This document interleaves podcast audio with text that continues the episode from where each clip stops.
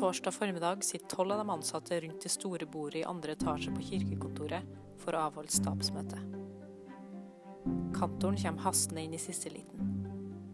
Det er stillere enn vanlig, men møtet går sin vante gang.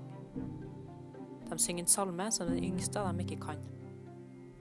Sognepresten i Melhus har åpning der hun snakker om søndagens tekst, hvor Jesus vasker føttene til disiplene. Første sak på stabsmøtet er hendelsen med bilene.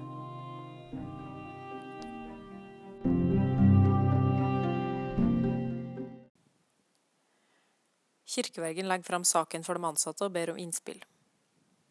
Den svenske organisten tar ordet og stiller spørsmål om det kan være snakk om hatkriminalitet.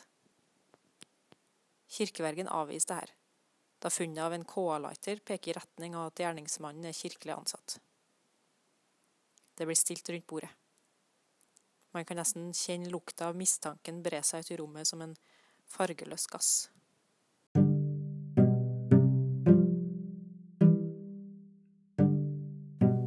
Prosten kremter og sier at det er mer produktivt å finne en løsning på problemet, snarere enn å mistenkeliggjøre hverandre. Da Fellesrådet har en del ekstra midler til overs, foreslår han å kjøpe inn elsykler til de ansatte. Flere av de andre protesterer.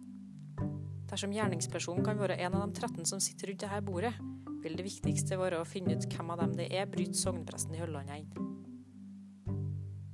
Kirkevergen skjærer gjennom mylderet av stemmer, og bedyrer at gjerningsmannen nok vil bli avslørt relativt raskt.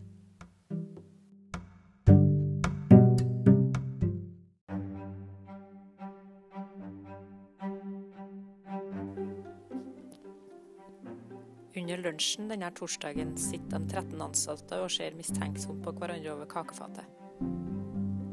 Diakonen har hatt bursdag, og midt på lunsjbordet står to ferske kaker fra Sokndal bakeri. Prosten har bare tatt et lite stykke kake, ettersom det er fasetid. Sognepresten i Melhus har tatt et passe stort stykke, og sognepresten i Høllanda har tatt to passe store stykker. De ti andre mistenkte på lunsjrommet er kirkevergen, menighetspedagogen, kateketen, kantoren, den svenske organisten, den yngre menighetspedagogen, diakonen, den kontorfullmektige, sekretæren og organisten som bor i nærheten av Melhus kirke. Hvem er den skyldige? Siste episode, og svaret får du på påskeaften.